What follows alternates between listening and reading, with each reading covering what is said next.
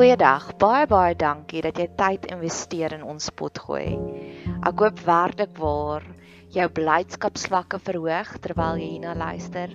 Ek bid vir jou dat jy 'n stroltjie van hoop kan kry en ek bid dat dit 'n veilige hawe sal wees. 'n Sanctuary terwyl jy tyd spandeer hier op ons potgooi kanaal. Ons het 'n baie aktiewe sosiale media platform. Jy is welkom om ons te gaan opsoek op Facebook of Instagram en ons is op YouTube ook. Jy is welkom om kontak te maak deur enigiets van daai kanale. Bet Seber is ons naam. Dit staan vir huis vir huis van hoop. En ons geniet dit wanneer mense deel raak van ons gemeenskap. So indien jy enig op enige manier wil deel raak van ons gemeenskap, stuur asseblief vir ons 'n boodskap hê. Ons kom Vrydagoggende bymekaar en dan gee ons bietjie vir mekaar liefde, sissie liefde.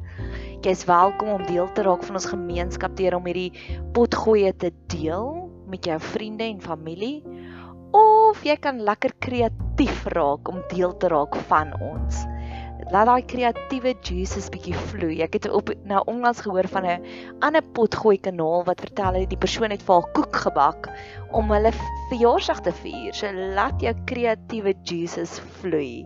Ek hoop jy geniet hierdie kuiertjie op ons potgooi kanaal.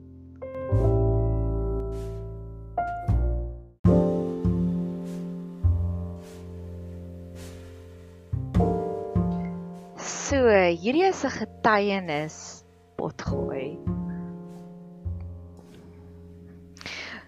Soos baie van my gereelde luisteraars al reeds weet, as ek intensief van verlede jaar, ek dink omtrent November maand af baie besig om deur Jesaja te werk. Jesaja te bestudeer en ek sê altyd vir almal met wie ek nou gesels, ek wil nie deur Jesaja werk nie. Ek wil hê Jesaja moet deur my werk. Ek wil wakker word in die middel van die nag en waak dink aan o, dis wat Jesaja gesê het, dis wat Jesaja gesê het. Ek wil Jesaja sien en ervaar en manifesteer al die beloftes in my lewe. En indien jy dalk na een of twee van die vorige's geluister het oor Jesaja, sal jy optel soos ek opgetel het. Daar is intense gebede vir beskerming, vir allerlei beskerming. So ek het baie intens ingefokus en ek het nie ek het my beste gegee om te sê uh nog een vir beskerming. Nee, ek het stories probeer vertel. Ek wil hê dit moet deel raak van my DNA. Salomo skryf vir sy seun: "Skryf hierdie wysheid op die tafels van jou hart." En in Nadia terme beteken dit maak dit deel van jou DNA. So ek wou gehad het Jesaja moet deel raak van my DNA.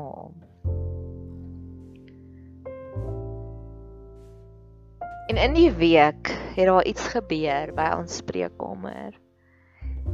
Ek is 'n Montigenis en ek kan nie help om te dink, "Jo, dis beskerming, dis beskerming par excellence." So ons praktyk is in Littleton wat nie een van die veiligste woonbuurte is in Pretoria nie. Maar dan nou weer weet ek nie meer of is daar veilige woonbuurte in Pretoria nie. So natuurlik bid ons vir Pretoria ook. En ek gaan binnekort gaan ek 'n potgooi kanaal in Engels loods juis om mense aan te por om meer soos 'n petrolstasie te wees van dis die gebede wat ons kan bid vir Suid-Afrika. En in by die praktyk was ons jare terug, baie jare terug in 'n gewapende roof gewees. Daar 2 of 3, ek kan nie eens meer onthou nie, dank die Here daarvoor man staan gekom met gewere en hulle het ons letterlik vasgemaak en alles gesteel, selfone, laptops, karre. Dit was horrible, was baie traumaties. En ons het van daardie insident af het ons baie geleer en ons het baie protokolle in plek gesit.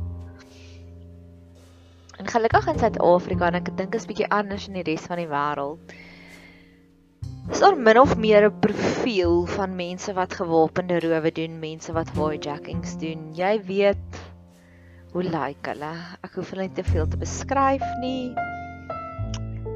En so oor die algemeen as dit soos daai profiel mens lyk, like, dan is ons baie huiwerig om die hek oop te maak. So ons het so 'n sekuriteitshek.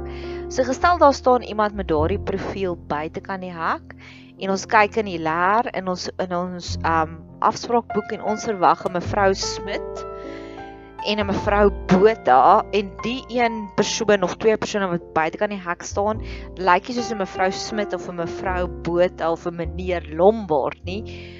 Dan maak ons nie vir die hek oop nie. Ons stap na hulle toe en ons gesels met hulle deur die hek, want ons was al daarom alles net oop te maak en almal in te laat en ons het ons vingers verbrand. So vroeër in die week het ons hierdie het hierdie ding gebeur in my spreekkamer is die naaste aan die ontvangsarea en dan is die twee tandarts in dieper in die huis. Dit was 'n ou huis wat ons ge, gerenoveer het. En op daai stadium het ek 'n mamma en twee kinders gehad, soos 'n mevrou Smit wat aan my stoel was. En ek en die tandarts het so musical chairs gespeel met hierdie familie. So op 'n oomblik, hoor hoe hoor hoe intens het God hierdie oomblik georkestreer.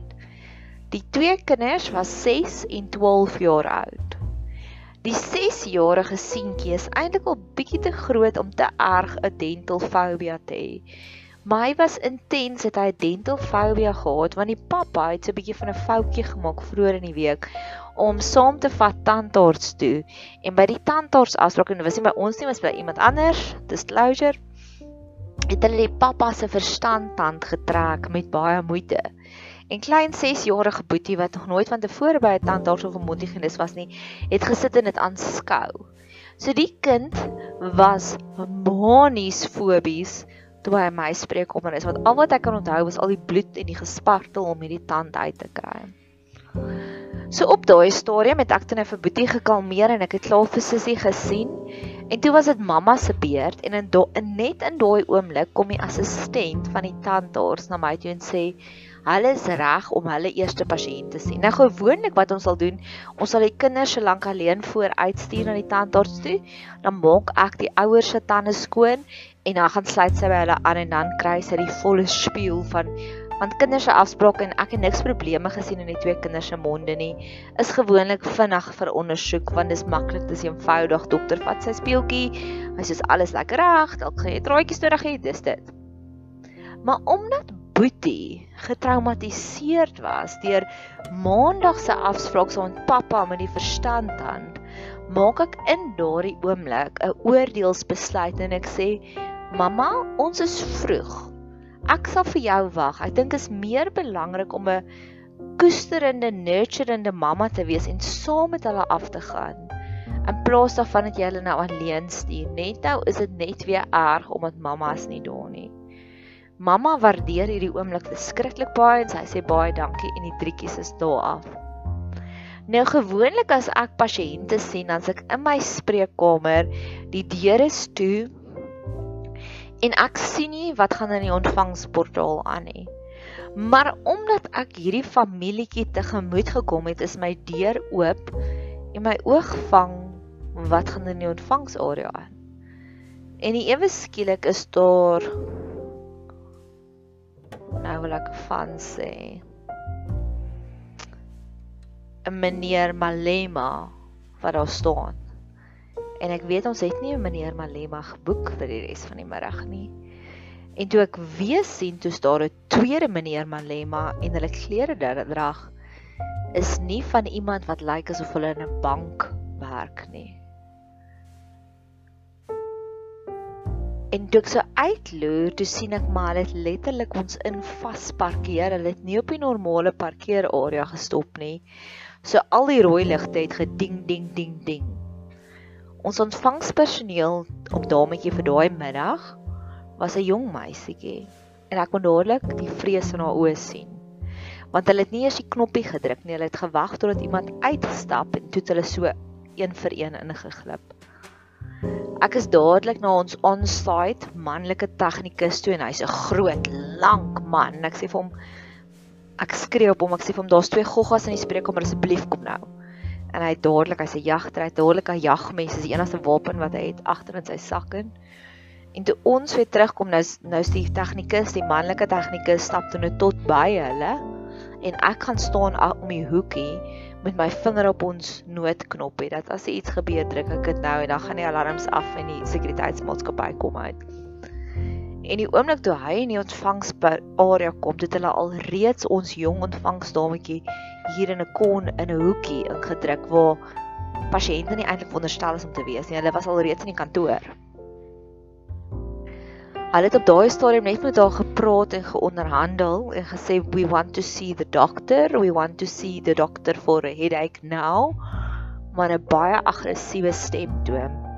In die oomblik toe ons groot manlike tegnikus op die toneel kom, toe retireer hulle. Toe sê hulle 5 streë weg van ons ontvangspersoneel af. En ek dink op daai oomblik het hulle besef maar sy's nie alleen nie. En hier is nog mense in hierdie praktyk wat hulle nie van weet nie. En toe sê hulle nee en hulle het nou verder gepraat en ons verduidelik of hulle verduidelik nou mooi vir hom maar hierdie is nie 'n headache dokter nie, hierdie is 'n tooth dokter, so daar's 'n headache dokter en hulle is toe nou daar uit.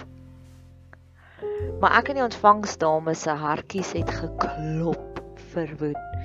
Want al die kliniese tekens van 'n gewapende roof of 'n tipe van 'n roof was daar in daai oomblik.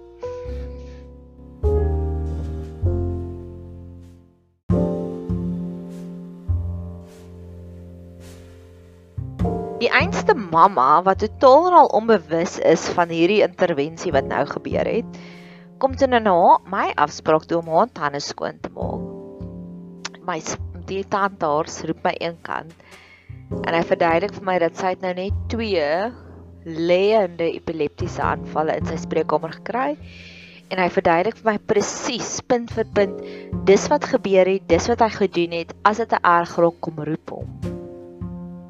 En weer eens is ek intens dankbaar want sy en dis scary, dis baie scary ek het nog nooit iemand gesien wat 'n rukkende epileptiese aanval gekry het nie. Maar selfs daardie hulle black uit, hulle is letterlik soos in 'n koma vir 'n paar sekondes en jy kry hulle nie wakker nie.